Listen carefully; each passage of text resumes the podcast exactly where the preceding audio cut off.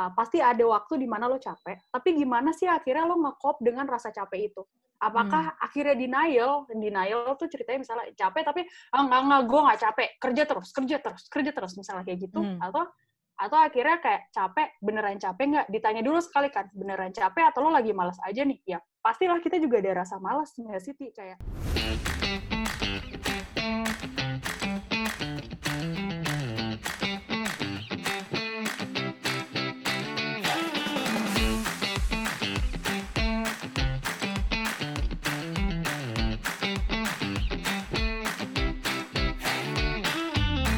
Halo, kembali lagi di podcast Tips and Trick. Buat yang baru dengar podcast ini, selamat datang. Aku Titi dan aku ingin ngajak teman-teman buat belajar bareng gimana caranya ningkatin soft skill kita. Nah, tentunya soft skill tuh banyak banget contohnya ya. Tapi ada satu soft skill yang sering banget jadi isu untuk kaum milenial seperti kita, yaitu managing workload atau simply gimana caranya biar bisa ngatur kerjaan yang kayaknya tuh banyak terus nggak kelar-kelar. Aku hari ini ditemenin sama April, sahabat kuliahku dulu di Teknik Industri ITB. Hai April, apa kabar? Halo Titi. Uh, baik, Alhamdulillah. Lo gimana? Baik, baik. Uh, April ini adalah product manager di sebuah startup bernama Sampingan dan hmm. dulu hmm. Doi juga pernah di Gojek jadi product manager di Go Live. Nah, cerita dong Pril, sehari-hari role lo itu ngapain sih dan seberapa banyak kerjaan yang lo hadapi dalam artian seberapa relate lo dengan isu managing workload ini? Oke, makasih Titi udah memperkenalkan diri aku. Tadi udah dijelasin ya, nama aku April. Terus habis itu sebenarnya tadi juga Titi udah bilang bahwa uh, sehari-harinya kerjaannya judulnya product manager. Nah, sebenarnya dulu di Gojek, di Go Live itu juga sama, sama sekarang di sampingan. Uh, cuman bedanya sebenarnya dulu Gojek perusahaannya udah lebih ya larger organization, sekarang uh, lebih ke startup yang beneran startup, jadi banyakkan produk-produk yang baru mau dimunculkan gitu.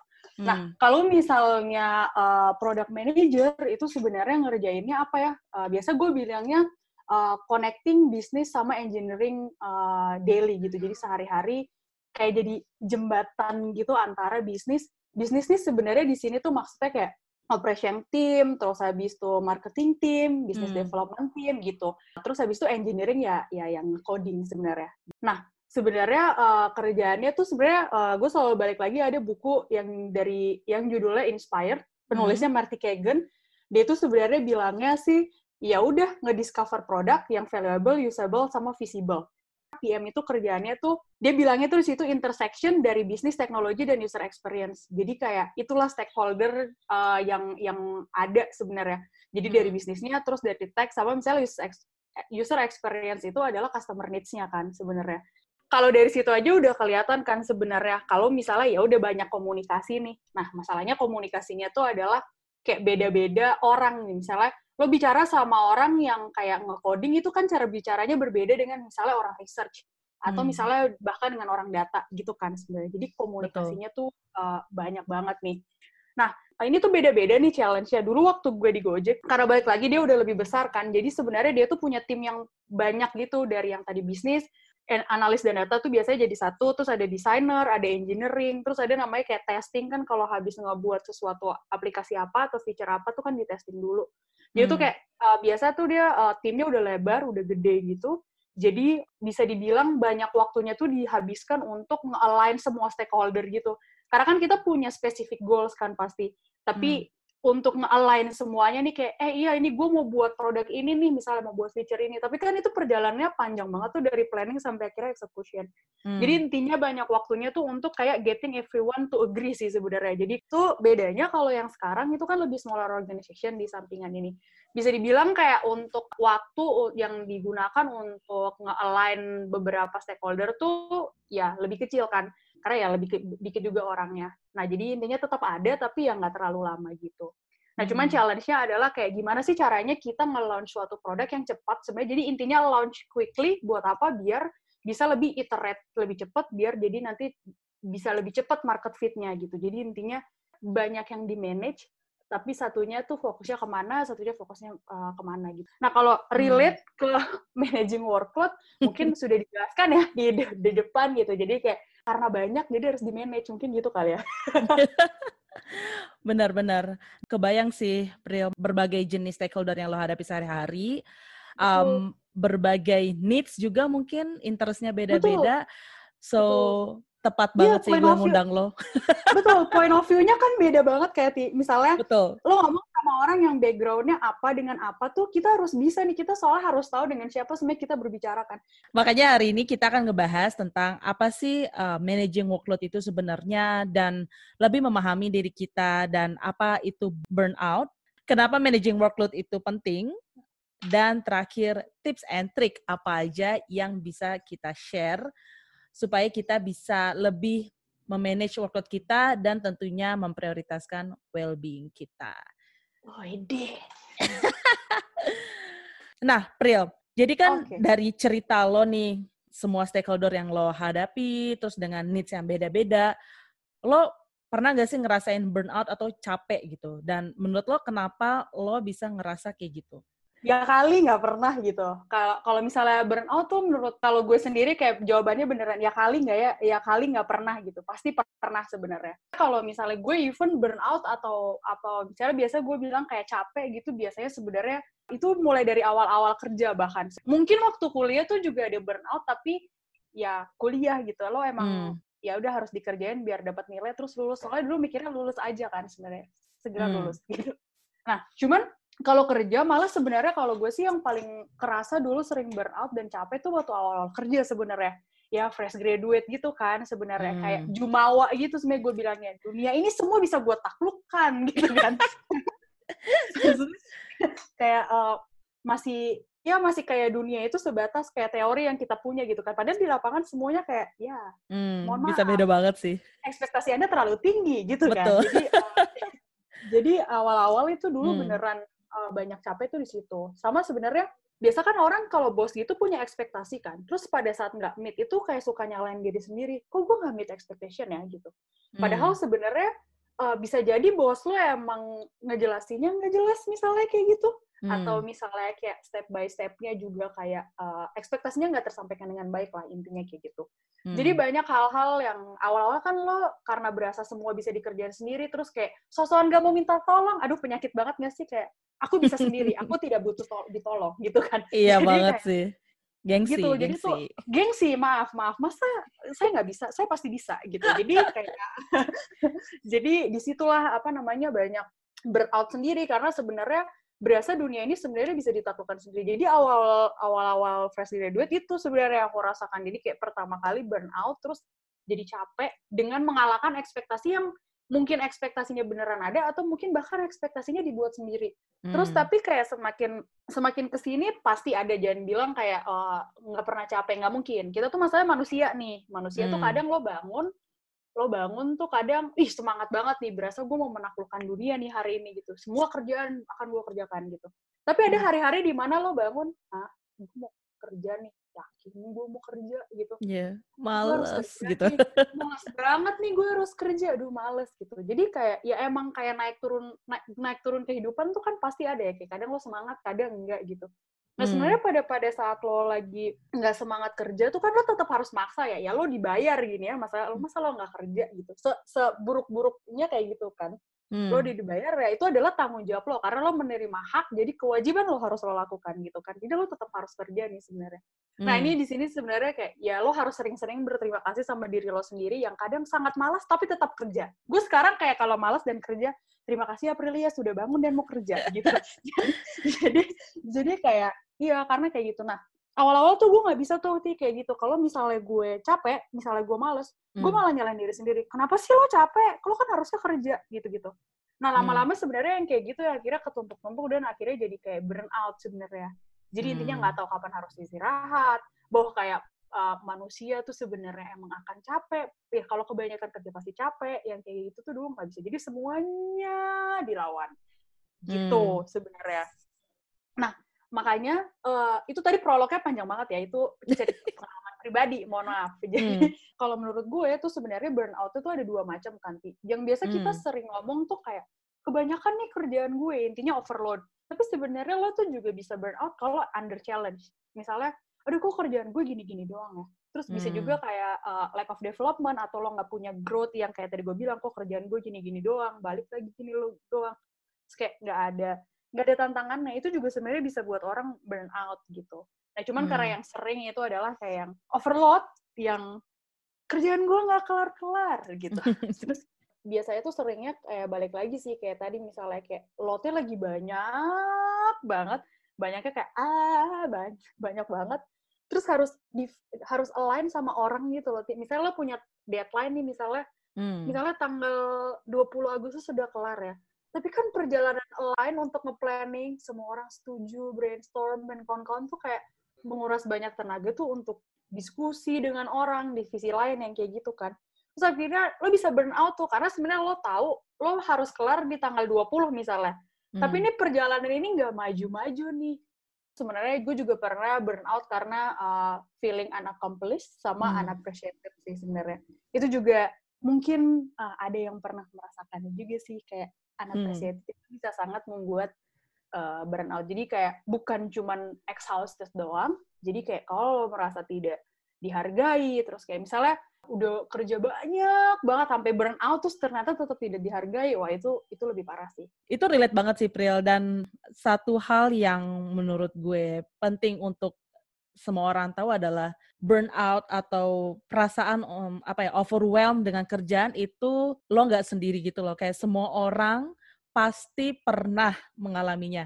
Either dalam bentuk kebanyakan kerjaan atau kerjaan yang gak kelar-kelar atau mungkin di sisi lain yaitu kerjaannya gak ada mungkin kayak misalkan betul betul uh, tidak diapresiasi atau misalkan kayak nggak challenging gitu. Jadi banyaklah hal-hal yang bisa membuat kita tuh jadi kayak ujung-ujungnya tidak tidak semangat ya untuk kerja dan betul capek. betul makanya Hmm. katanya jangan jangan berlebihan tidak baik jangan kekurangan juga tidak baik juga gitu kan betul sebenarnya. kayak cinta ya wah wah wah panjang nih kalau pembicaraan ini nggak boleh banyak-banyak nggak boleh dikit juga imbang-imbang Oh aja iya, balance iya. balance balance balance nah Pril menurut lo sebenarnya normal gak sih kita ngerasa capek atau burnout kayak gitu Nah, ini tuh gue agak bingung sebenarnya jawabnya. Gue bilang normal, gue takut salah ngomong. Gue bilang nggak normal, gue juga takut salah ngomong. Tapi coba gue jelasin dulu ya, kayak kalau Hmm. misalnya point of view gue kayak gimana. Nah, sebenarnya normalnya tuh lebih, kalau menurut gue karena lebih ya, kalau capek, ya balik lagi kayak, ya udah lo manusia gitu. Kadang lo Hmm. semangat, kadang lo capek. Nggak tahu sih, gue belum pernah sih ada punya temen yang hidupnya semangat terus. Kayak pasti ada Betul. deh titik-titik di mana kayak, ya gue capek gitu. betul Nah, saya kan betul. kerja juga kayak 8 jam sehari. Hmm. Plus-plus ya, gue plus-plus aja nih. 8 jam plus-plus sehari. Jadi kayak, apa namanya, jadi kayak ya pasti ya gitu kadang semangat kadang capek. Jadi sebenarnya normalnya untuk di situ. Jadi nggak bisa terus stabil kayak semangat terus itu nggak bisa ya. Namanya manusia. Mungkin emang takdirnya atau eh bukan takdir apa sih fitrahnya. Fitrahnya emang mungkin begitu ya. Nah sebenarnya kalau yang kalau misalnya gue bilang burnout itu normal itu menurut gue kurang pas karena sebenarnya kita tuh tetap harus punya self self awareness kan ke diri kita sendiri. Hmm. Se- Sesimpel kayak misalnya kalau capek atau misalnya butuh istirahat atau ya udah intinya harus rest nih ya udah jangan Hmm. dipaksa kerja terus gitu sebenarnya. Jadi untuk capek itu iya, kayak itu pasti akan dirasakan. Jadi mungkin kayak gini kali ya statementnya kayak uh, pasti ada waktu di mana lo capek, tapi gimana sih akhirnya lo nge-cope dengan rasa capek itu? Apakah akhirnya denial? Denial tuh ceritanya misalnya capek tapi ah, enggak enggak gue nggak capek, kerja terus, kerja terus, kerja terus misalnya kayak gitu Hmm. atau atau akhirnya kayak capek beneran capek nggak ditanya dulu sekali kan beneran capek atau lo lagi malas aja nih ya pastilah kita juga ada rasa malas nggak sih Ti? kayak betul ah ini gue males nih aduh badan gue sakit lagi apa tapi tetap harus balik lagi kan kayak ini Hmm. beneran capek atau emang lagi malas aja misalnya kayak gitu itu itu pasti satu kali dulu nanya kalau misalnya emang beneran capek ya emang harus istirahat aja berarti. Karena ya itu istirahat tuh juga salah satu kebutuhan manusia loh yang sebenarnya gue bilang being produktif tuh istirahat is a part of produktif gue selalu di ke diri gue gue selalu bilang kayak gitu. Karena Hmm. ya once lo istirahat ya itu adalah kebutuhan lo gitu. Jadi jadi ya itu kayak kalau misalnya emang eh, butuh istirahat ya istirahat aja gitu jangan dipaksa kerja terus jadi harus punya self awareness ini bener nggak sih capek ini bener nggak sih gue butuh istirahat jadi jangan denial pokoknya intinya Hmm. menurut gue tuh badan tuh punya alarm yang wah subhanallah. Kayak lo harus denger diri lo gitu ya. Betul, kayak Listen to diri lo tuh yourself. betul, betul. Kayak harus beneran listen banget to your body, to yourself kayak apa sih yang lagi dia rasa? Masalahnya sekali sekali lo sering denial akan apa yang alarm yang lo buat dari badan lo, itu tuh dia beneran bisa makin membego-begoin diri lo sendiri gitu. Kayak jadi yang bener jadi salah, salah jadi bener gitu gitu. Padahal sebenarnya badan tuh bisa punya alarm sekeren itulah. Hmm. Gue selalu bilang ya alarmnya badan tuh udah dia nggak bisa ditipu. Lo bilang lo nggak capek, tiba-tiba dia bisa buat badan lo misalnya sakit gitu. Iya emang lo capek, selama ini lo denial aja gitu kan. Hmm. Nah, jadi jadi menurut gue ya itu balik lagi kayak harus ada self awareness. Kalau misalnya capek, ya tet, ya istirahat. Tapi balik lagi bukan berarti satu kali capek langsung langsung menyerah gitu enggak kan? Kita sebenarnya juga tetap harus nge-push diri kita kan karena uh, ya pada dasarnya kita nggak mau jalan di tempat kan, at least maju selangkah atau misalnya maju Hmm. setengah langkah atau kayak gimana. Jadi yang penting di push dulu. Kalau misalnya emang uh, intinya nggak gampang menyerah deh. Kalau misalnya emang nggak nggak bisa dan apa namanya ya emang udah beneran capek, ya udah berhenti dulu gitu. Nah, gue sebenarnya tipikal orang yang sering kok Ti, misalnya lagi capek banget. Misalnya ada deadline event misalnya, end of Hmm. day misalnya Hmm. end of day terus misalnya eh, jam jam 6 sore misalnya belum kelar. Terus kan eh, itu biasa jam 6 tuh udah panas nggak sih? Gue biasa panas event mulai jam 3 sore. 3 sore tuh otak gue udah panas. Terus habis misalnya nggak kelar, nggak kelar-kelar, terus habis itu eh, kita bi- apa namanya? Biasa dulu dipaksakan ada kelar harus kelar harus kelas ada deadline ada deadline gitu. Hmm. Tapi gue sekarang jadi sering gini, misalnya kalau udah panas banget ya, wah nggak bisa nih gue udah nggak bisa mikir ya udah deh gue kayak turun misalnya terus uh, apa namanya minum atau makan atau ya ngemil ya, ya ini jangan dicontoh sih ngemil ngemil ngemil sore gitu. Terus habis itu kalau nggak even gue istirahat tapi nggak lihat laptop gitu Ti. Jadi kayak cuma 15 sampai 30 menit kayak nggak lihat laptop. Terus ya udah tutup. Terus Jadi istirahat kayak kalau nggak dengerin lagu aja nyanyi-nyanyi terus habis itu udah kelar Hmm. balik lagi kayak otak lo udah udah lebih turun gitu loh. Jadi gue sekarang kayak kalau misalnya emang lagi panas, udah deh jangan dilanjutin. Mendingan kayak lo istirahat, terus lo mulai lagi, lebih cepet kelarnya sebenarnya. Jadi kayak pada saat lo kelar itu langsung, tapi jangan langsung tidur dan ketiduran ya, baru bangun jam 11 ya. Itu jadi nggak kelar dong. Apalagi gitu. wifi ya tiduran. Iya, betul. WFA kan eh, ini dikit, ah rebahan bentar deh gitu. Tapi jangan sampai ketiduran gitu, Hmm. nanti jadi pet- malah petaka tuh. jadi kayak jadi eh, ya udah gitu sih sebenarnya. Jadi Hmm. gimana ya ngomong ya ada part normalnya karena manusia tapi tetap kalau lo burn out terus ya jangan gitu dong kan berarti lo kayak menyiksa diri lo terus gitu. Berarti kan ada yang salah sama diri lo gitu. Jadi normalnya ke situ tapi tetap lo harus punya self awareness gitu sih kalau menurut gue. Setuju sih. Jadi kayak definisi normal itu enggak semata-mata kayak oh burnout terus berarti nggak normal, tapi burnout berarti normal juga. Jadi ada level um, yang kayak tadi lo bilang juga kan, kayak Mhm. Capek tuh pasti ada. Itu kayak sesuatu Betul. hasil. Jadi kayak apa sih sebab akibat ya. Jadi kayak Buset. itu tuh pasti akan kejadian apalagi kalau misalnya kerjaannya banyak gitu. Tapi apakah itu Betul. normal? Normal karena manusia capek. Tapi Betul. kalau misalnya capek udah sampai at the point of lo nggak tidur seminggu, lo masuk rumah sakit, atau Wow. mungkin atau as simple as kayak lo jadi nggak komunikasi sama keluarga lo atau sama temen lo karena lo quote unquote sibuk banget. That's Hmm. something yang mungkin lo harus challenge yourself untuk tanya, eh ini tuh sebenarnya bener gak sih? ini Betul, sebenarnya masih dalam range normal atau enggak? Betul. Makanya sih self awareness tuh yang kayak semakin ke sini semakin kayak eh, emang harus listen to your body and yourself banget sih beneran. Itu Hmm. kata kunci. Katanya kan apalagi sih selain mencintai diri sendiri. Wah. Betul, harus cinta diri sendiri sebelum cinta orang lain kan. Oh, But- be- betul. betul. Jadi intinya Anda itu tidak bisa katanya gini, gimana lo membahagiakan orang kalau diri sendiri aja nggak bahagia katanya gitu kan sebenarnya. Jadi kayak ya udah bagaimana lo bisa mencintai orang kalau cinta sama diri sendiri aja belum. Wah, keren nih.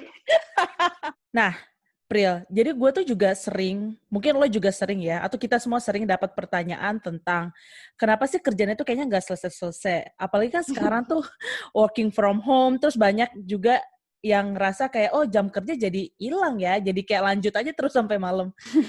nah, dan salah satu hal yang sebenarnya bisa membantu kita untuk merefleksikan diri saat kerjaan banyak itu adalah membedakan antara apakah kita nggak produktif atau memang workload-nya aja yang banyak. Mm-hmm. Nah, menurut lo gimana?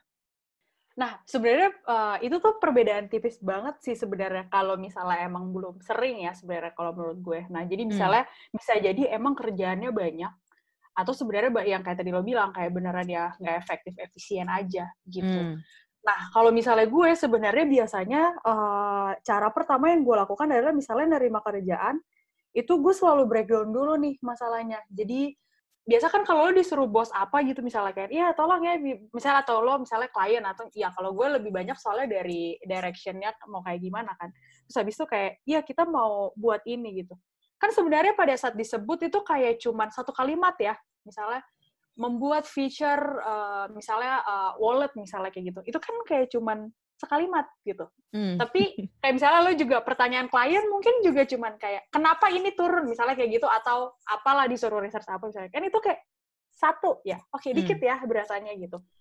Padahal di otak tuh bisa jadi banyak banget. Nah, kalau misalnya tipe gue tuh biasanya daripada gue overthinking, gue soalnya kalau ditinggalin di otak nih mikir terus nih, seneng kan soalnya. Jadi kayak overthinking jadi daripada emang di overthinking terus jadi gue selalu kayak list dulu nih jadi list. Nah dari list itu sebenarnya bakalan kelihatan sebenarnya. Kan pada saat disuruh kerjain sesuatu terus lo breakdown ke nggak usah yang beneran details banget deh at least kayak ada poin sub menu sub menu lah. Kalau misalnya dulu kita ngerjain apa skripsi lah. Hmm. bab satu bab dua bab tiga bab, bab lima kan pasti tahu tapi setelah itu sub menunya apa aja itu dipikirin dulu. Nah kalau emang itu listnya emang banyak iya emang berarti emang banyak tapi hmm. bisa jadi tuh pada saat lo list tuh, Ti, eh ternyata cuma tiga ya, kok di otak gue berasa seratus.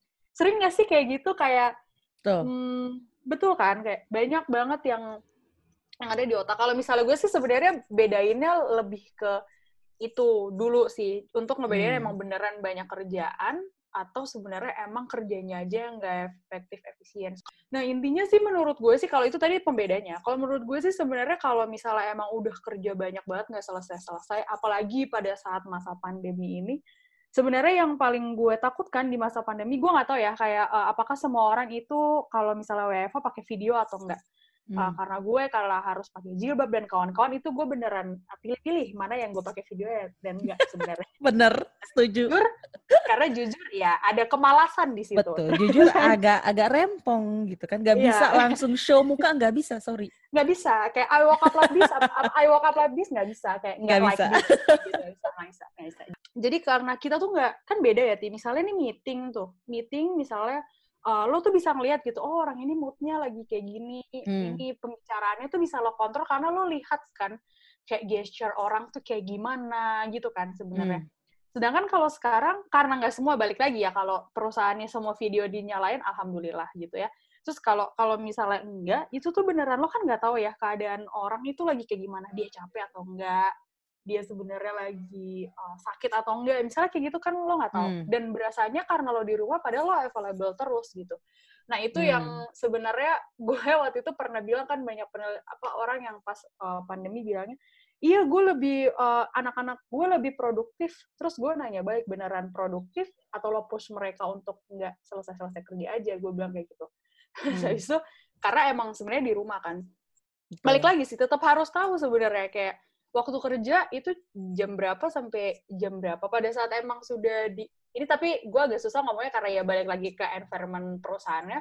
Pada saat emang sudah bukan waktunya dan emang udah kebanyakan ya sebenarnya kita juga bisa ini kan maksudnya kayak bilang uh, ya waktu kerja gue misalnya maksimum misalnya sampai jam 9 malam itu aja udah malam banget misalnya padahal harusnya misalnya sampai jam 6 misalnya gitu. Hmm. Tapi ya itu dengan dengan catatan ya lo mulainya juga misalnya jam 9 bukan berarti lo mulainya jam 12 lo minta selesainya juga jam 6 ya nggak gitu juga maksudnya Betul. ya kan emang nggak kayak gitu kan sebenarnya. Hmm. Nah, jadi intinya uh, lo harus tahu sebenarnya uh, di mana sih lo sekarang gitu. Nah, kan kita tuh sebenarnya lebih ke challenge accepted person. Tapi dulu gue kalau waktu kerja tuh ya, Ti, kalau misalnya disuruh apa-apa gue, iya siap, kayak hmm. bisa, gue bisa gitu. Tapi akhirnya berasa, berasa sebuah bisa, tapi kayak nggak nanya gitu loh, nggak fit apa nggak follow up gitu. Kayak sebenarnya ekspektasinya kayak gimana sih yang dikerjain kan?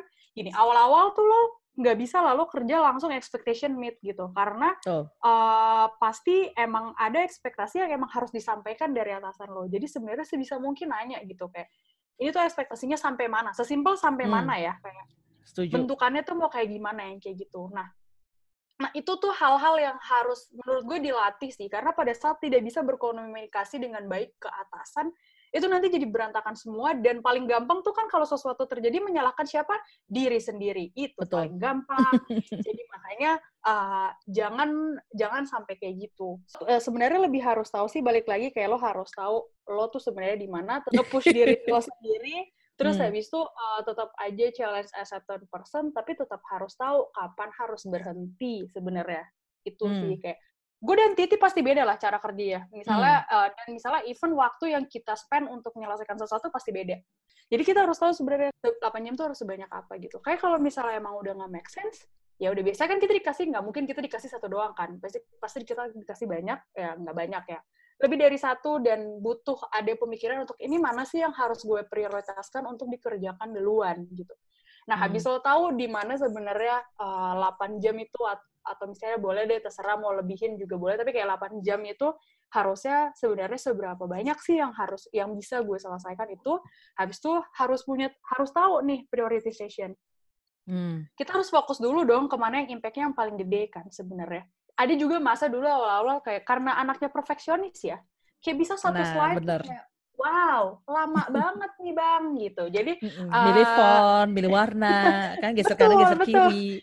betul. Betul itu itu makanya sebenarnya emang makin ke sini tuh makin belajar banget nggak sih kayak harus fokus banget pada yang impactnya paling gede dulu aja gitu. Jadi kayak Setuju. harus tahu prioritasnya dulu gitu. Nah hmm. kalau se separah parahnya nih lo nggak bisa prioritisasi. Misalnya kayak duh gue ternyata ada 10 nih yang harus gue kerjakan di minggu ini misalnya kayak gitu. Mm.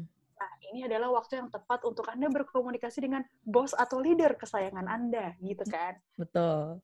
Jadi kayak sebisa mungkin kayak oke sebisa mungkin ya ini menurut gue kayak harus diusahakan untuk kayak jangan salahin diri sendiri terus jadi kayak selalu apa sebisa mungkin berusaha untuk berkomunikasi dengan bos. Nah, ini adalah gunanya uh, leader-leader tersayang kami ini gitu. Jadi kayak pada saat itu harus kayak nanya gitu.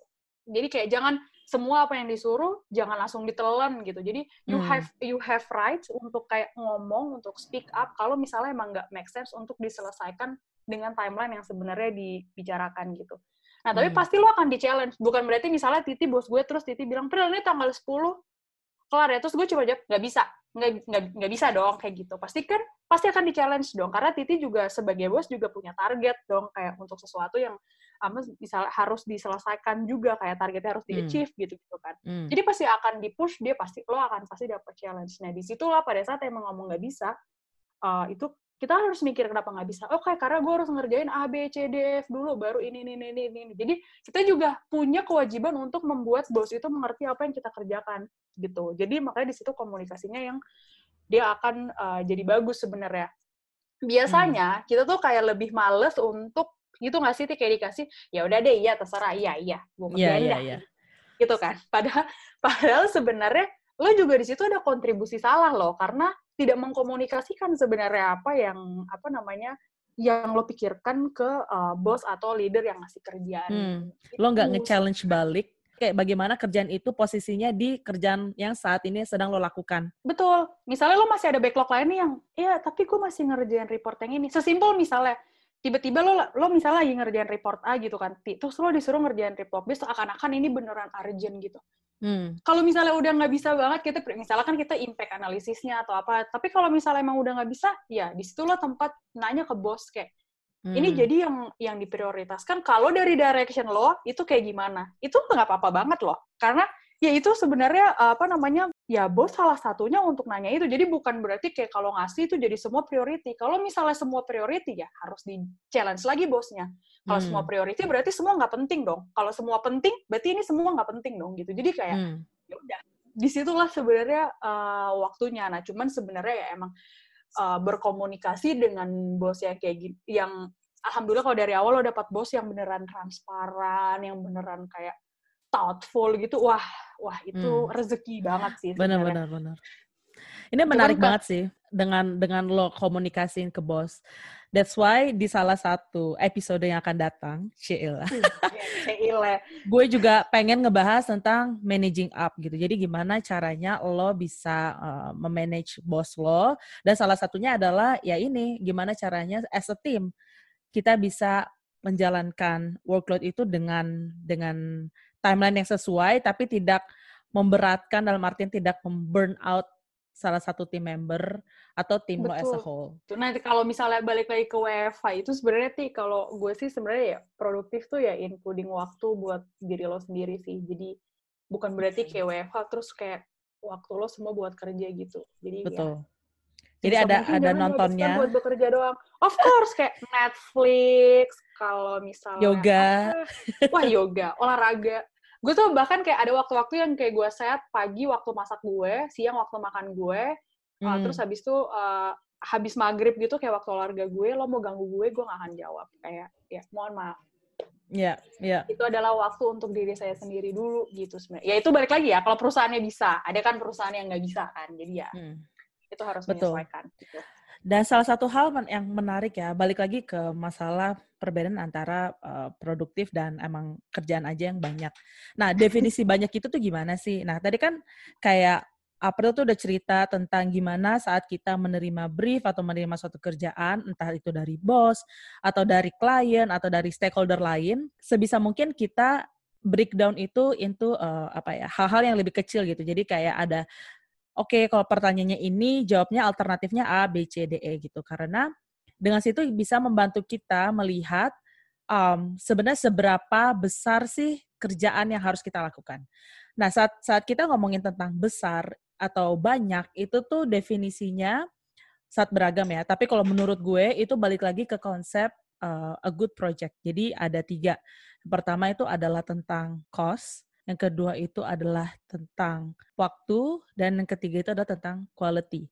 Nah, cost di sini itu lebih ke kayak lo as a human being, as a person who do the job, yang yang melakukan kerjaan itu karena saat kita menerima kerjaan kita harus bisa punya bayangan seberapa banyak resource yang dibutuhkan untuk mengerjakan kerjaan ini. Apakah lo sendiri cukup apakah lo butuh bantuan orang lain atau misalnya kayak contohnya April ini nggak bisa sendiri nih karena banyak orang yang harus agree atau harus setuju saat kita mau nge-launch feature baru um, di suatu aplikasi misalkan. Nah, yang kedua adalah tentang timeline. Timeline itu kapan ini harus selesai. Tentunya semakin lama waktu yang kita punya, semakin well in a way bagus ya karena kita bisa punya waktu lebih untuk koordinasi, merevisi dan lain-lain. Dan semakin pendek waktunya itu akan semakin rush atau semakin pressure gitu. Um, dan yang terakhir adalah kualitas. Seberapa bagus sih kualitas yang diharapkan atau diekspektasikan baik itu dari bos, klien ataupun stakeholder lain. Karena tentunya um, kalau ingat ya diagram project itu kan kayak segitiga ya. Jadi kalau misalnya kita mau waktunya cepat, kita mau kualitasnya bagus, berarti cost-nya tinggi karena ada resource lain yang harus ikut serta dalam mengerjakan proyek tersebut.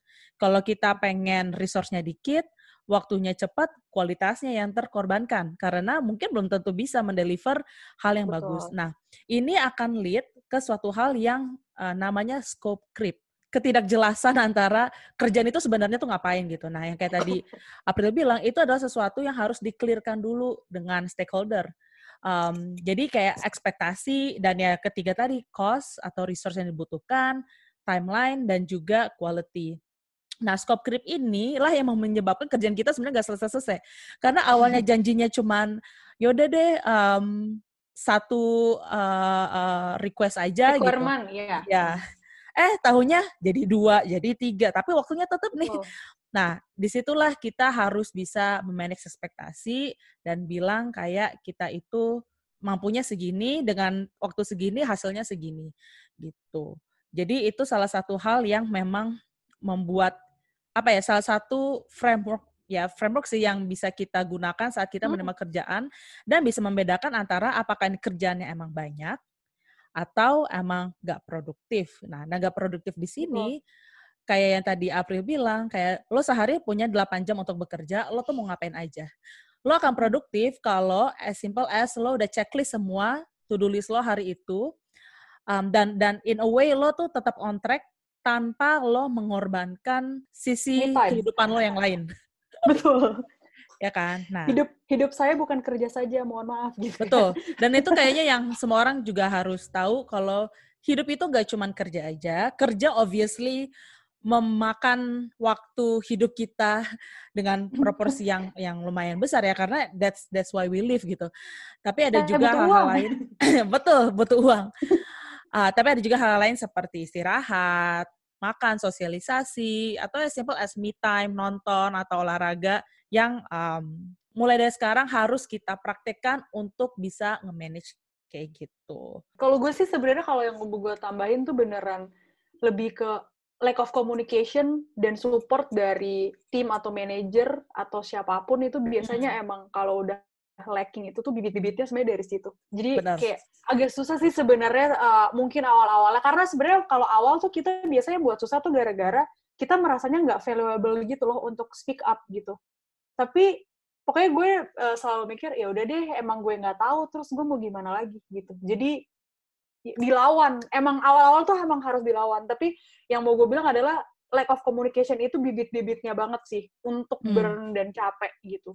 Jadi sebisa mungkin karena balik lagi kan ekspektasi gimana ekspektasi Betul. bisa meet komunikasi gitu kan jadi ya gitu aja terus benar-benar jangan takut minta tolong intinya kayak uh, bukan berarti minta tolong annoying kayak hal kecil juga minta tolong bukan ya tapi kan uh, harusnya sudah lebih tahu mana yang emang pada saat emang sudah mentok jadi minta tolonglah kepada orang yang lebih paham gitu jadi jangan jangan jangan takut lah intinya dilawan jangan takut agak susah ya ngomongnya jadi takutnya hmm. dilawan gitu Benar, benar, benar. Nah, Pril, dari pengalaman lo nih, apa sih impact yang paling besar yang lo rasakan atau pernah lo alami saat lo itu nggak bisa manage your workload dan apa kesalahan lo saat itu gitu?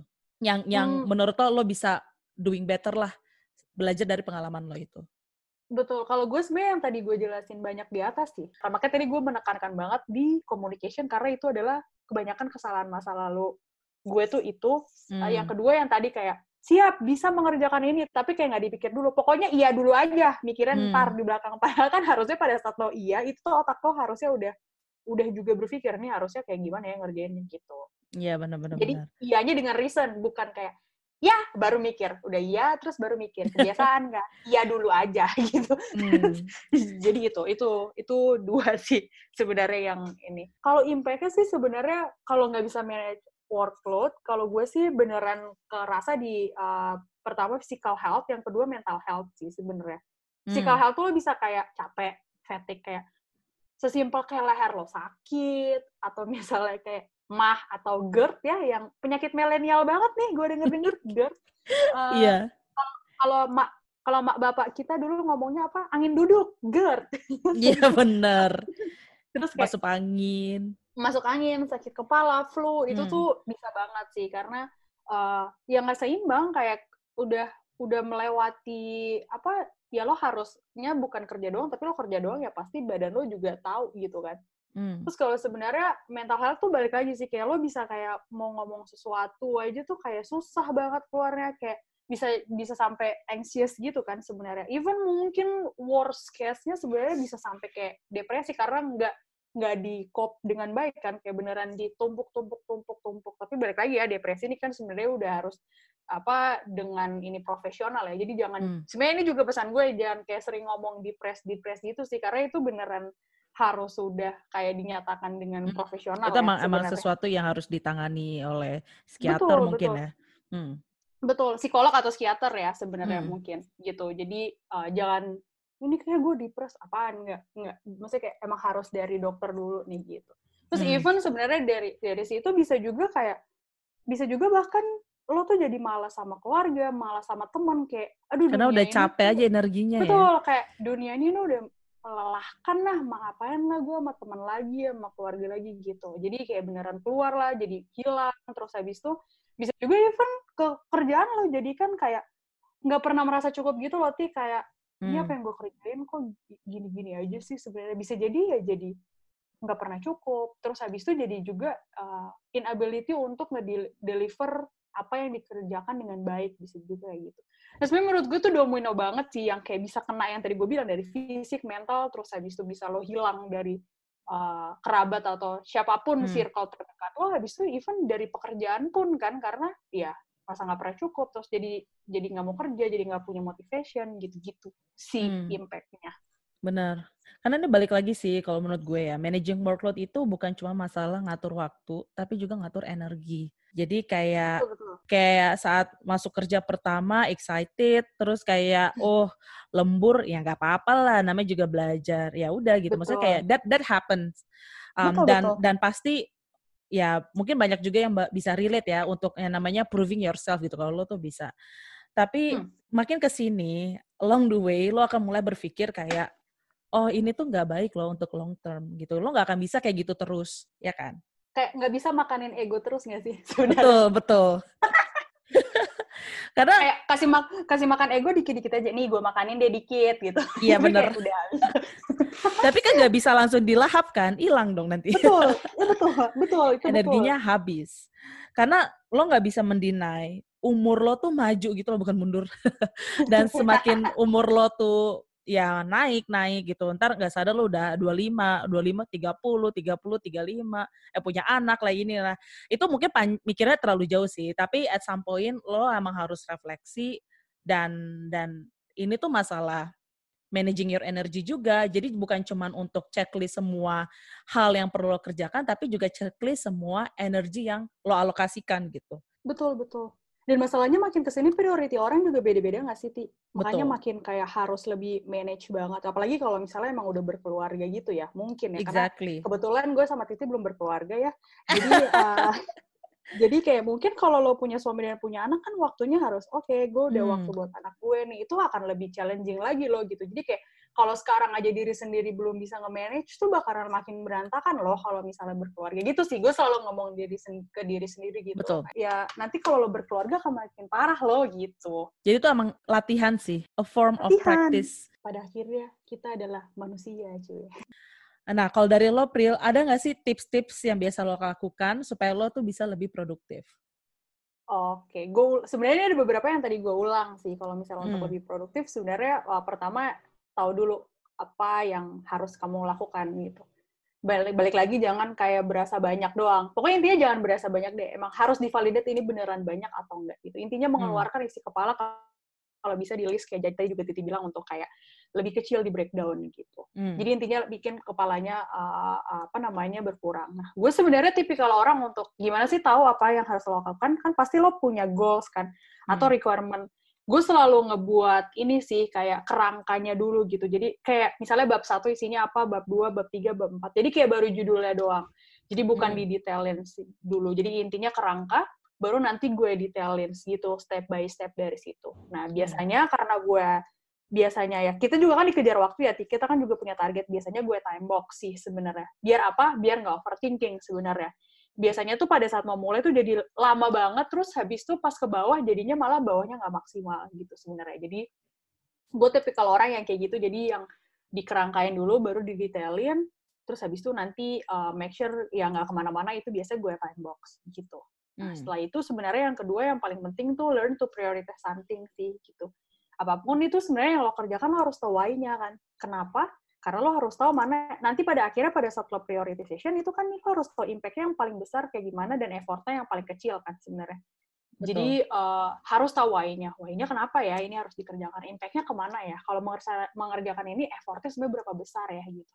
Nah itu hmm. balik lagi yang kalau gue bilang kalau nggak bisa melakukan prioritization berarti seakan-akan semua penting kan. Kalau semua iya. nggak yeah. penting itu berarti kalau semua penting berarti semua juga nggak penting gitu. Jadi uh, ini paling susah tapi learn prioritization. Hmm. Terus habis itu tadi setelah udah tahu apa yang dikerjain dan udah diprioritasin itu ya di dipotong-potong dong kayak uh, jadi smaller task gitu.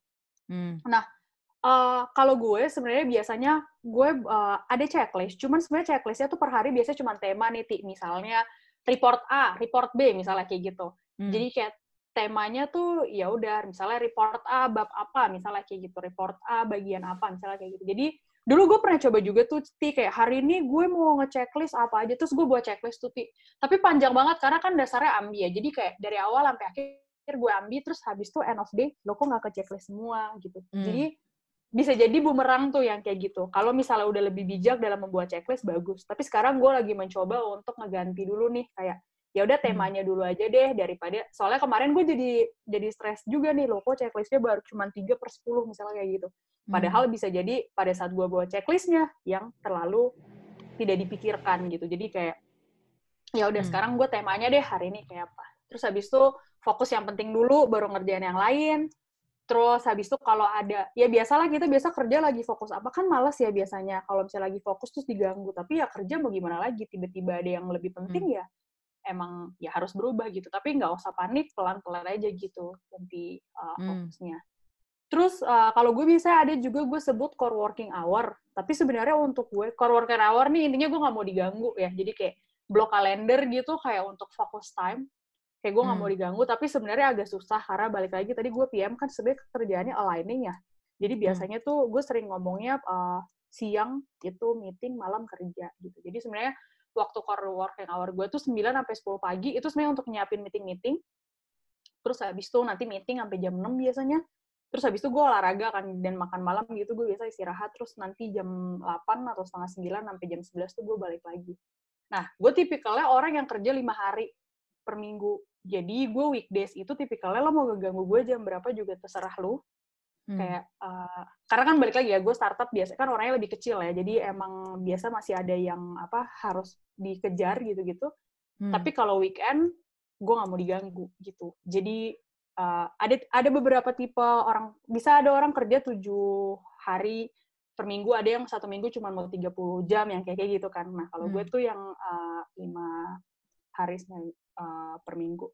Itu hmm. sih uh, uh, buat HP silent, uh, gue juga biasa kalau misalnya emang nggak mau nggak mau diganggu. Terus even Spotify gitu-gitu juga gue bukan tipikal yang bisa fokus kalau ada suara. Jadi even biasanya gue matiin hmm. uh, matiin notification. Terus sebenarnya kalau gue sih uh, minimize distraction sih. Biasanya kan lo buka tab banyak banget tuh. Betul sifatnya banyak. Nah, itu biasa eh, caranya adalah ya minimize distraction-nya itu biasanya gue ngapusin tab-tab yang gak relate ke apa yang lagi gue kerjain sekarang. Karena dan kayak matiin notifikasi notification WhatsApp atau kalau gue kan pakai Slack jadi kayak WhatsApp atau Slack tuh uh, notification harus dimatiin karena once dia pop up gitu notification-nya gue jadi baca kan. Jadi betul. planning sih intinya gimana ya? Betul betul. Planning sih. Karena um, gue pernah baca ya somewhere dan dia bilang saat lo mengerjakan sesuatu dan lo melakukan persiapan yang matang, lo tuh sebenarnya udah menjalankan setengah dari kerjaan itu. Salah satu yang selalu gue personally gunain itu adalah masang out of office juga di email. Bilang kalau gue minggu ini lagi ngerjain beberapa project, jadi gue bakal balik ke email lo. Um, mungkin lebih lama dari biasanya gitu. Dan kalau misalnya hmm. emang penting banget, ya udah lo WhatsApp atau telepon. Dan hmm. ini tuh somehow di appreciate banget sama klien gue. Jadi um, kan gue kerja emang berhubungan sama ke klien ya, sama eksternal hmm. dan mereka itu pasti requestnya tuh banyak banget ya. Apalagi gue megang salah satu klien yang emang besar juga bisnisnya gitu. Jadi hmm. saat gue bilang kayak gitu, mereka kayak oh uh, lo lagi project ini ya, oh ya oke okay, oke. Okay. Um, lo berarti bisanya kerjanya mulai kapan? Nah itulah hmm. di situ gue bilang gue baru mulai uh, pas misalnya ke tanggal 20 Agustus gitu. Um, karena minggu ini gue lagi uh, sibuk banget, dalam artinya gue mm -hmm. banyak project.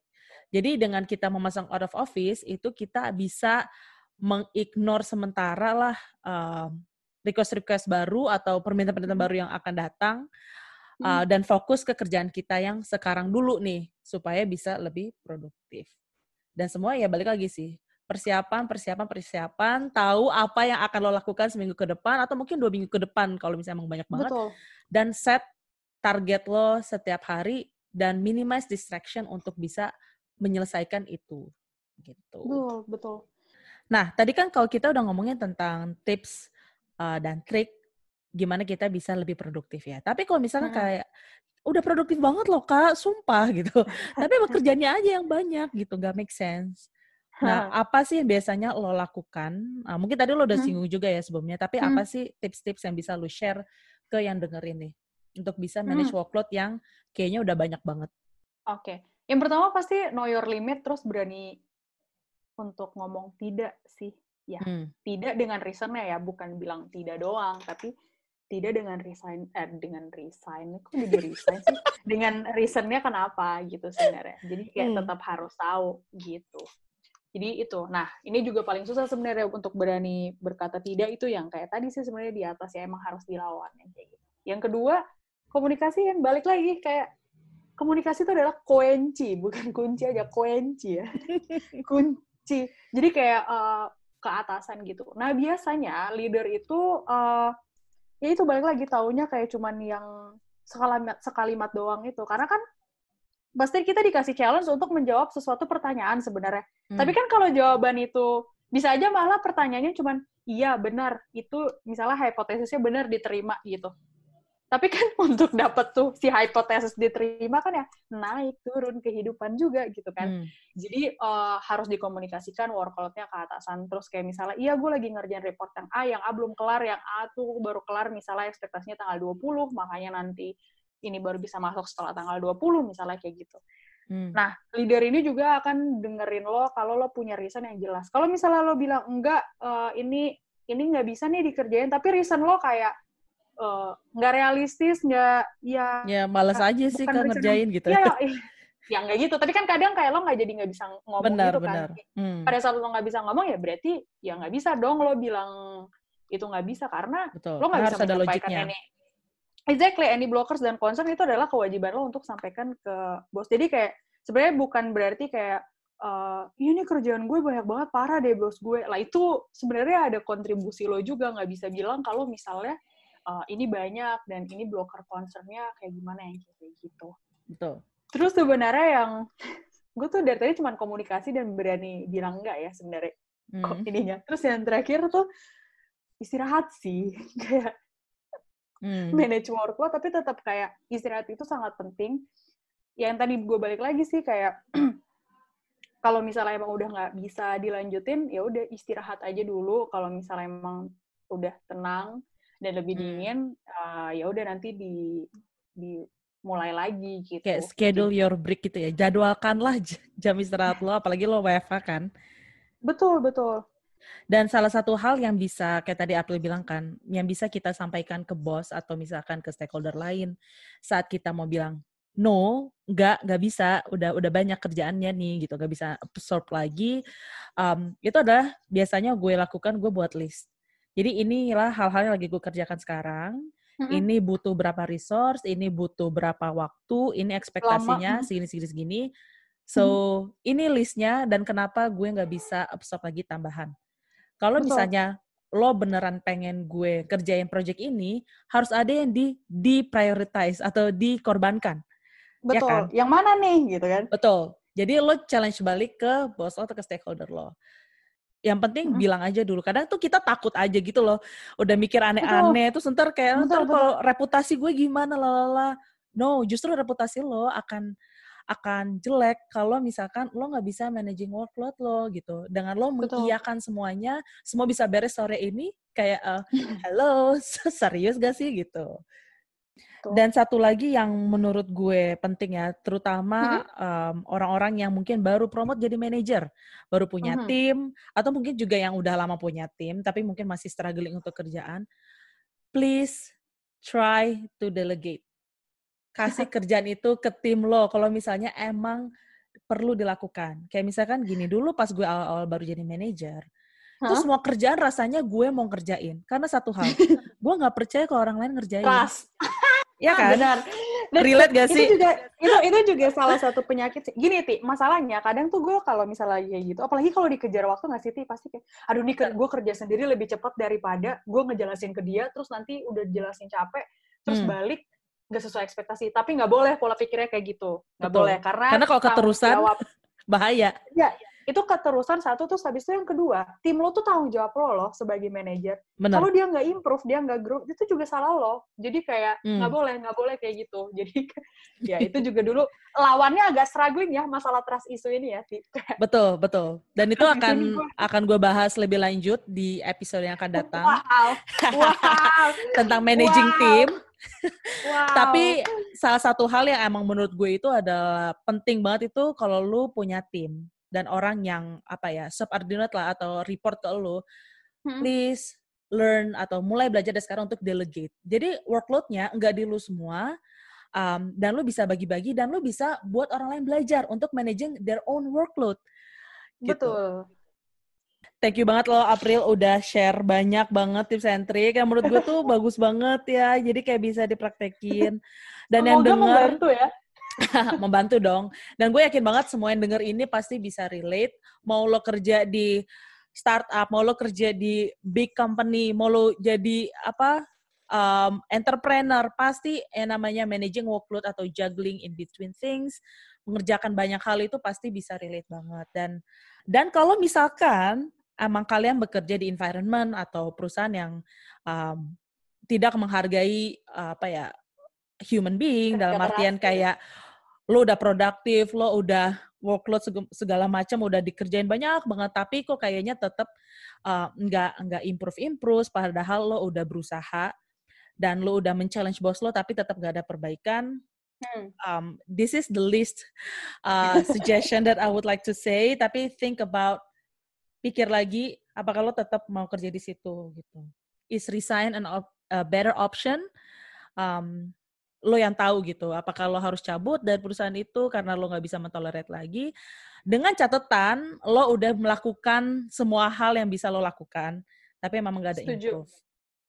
Nah itu mungkin saran terakhir atau tips terakhir gak tips sih tapi kayak suatu apa ya food for thought lah yang mungkin bisa kalian renungi Betul paling gue mau nitip pesan-pesan yang kayak sering salah kali ya kayak hmm. produktif itu bukan banyak meeting balik lagi kayak produktif itu bukan kayak lo kerja terus seharian banyak meeting istirahat cukup makan minum olahraga itu terus habis itu yang kedua jangan sering menyalahkan diri sendiri gitu kalau misalnya emang nggak sesuai dengan ekspektasi bosnya sebenarnya kalau misalnya emang masih sering salahkan diri sendiri gitu paling kan biasa kalau nyalain diri sendiri itu kayak merasa nggak cukup gitu kan dan hmm. merasa selalu ada yang salah validate aja ke bosnya. Bener nggak sih gue tuh payah gitu? Kalau hmm. bosnya hmm. bener, iya, lo beneran payah. Nah, itu baru kayak, ya berarti hmm. harus ada yang di-improve.